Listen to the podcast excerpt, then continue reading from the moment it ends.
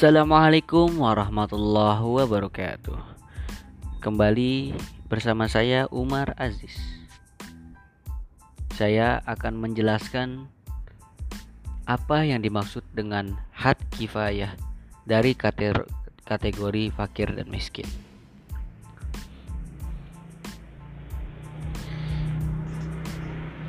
Imam Syatibi mengungkapkan bahwa had kifayah merupakan sebuah ukuran kebutuhan yang sangat urgent dan fundamental. Hati kifayah bukan sekedar kecukupan yang primer, tetapi masuk dalam kategori sekunder yang menjadi tongkat kelancaran hidup manusia.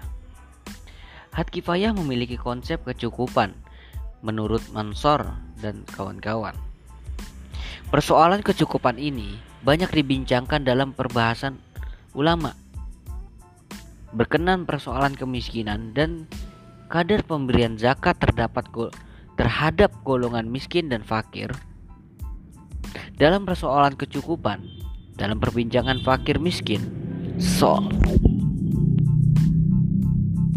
seseorang dianggap fakir dan miskin selama tidak memenuhi kebutuhan mereka yang menjadikannya mewah dan kaya seperti yang lain. Dengan kata lain fakir dan orang miskin ad adalah mereka yang tidak memenuhi tingkat kehidupan yang layak berdasarkan waktu dan waktu yang dipertanyakan. Sementara itu, dalam persoalan kecukupan, dalam penyaluran zakat mansor,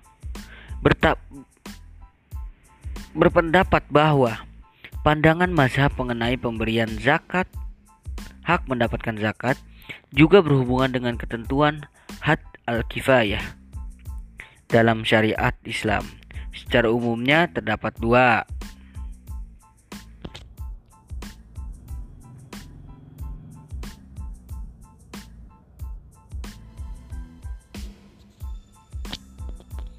Pendapat besar mengenai kadar penyaluran zakat terhadap golongan fakir dan miskin yang memerlukan pendapat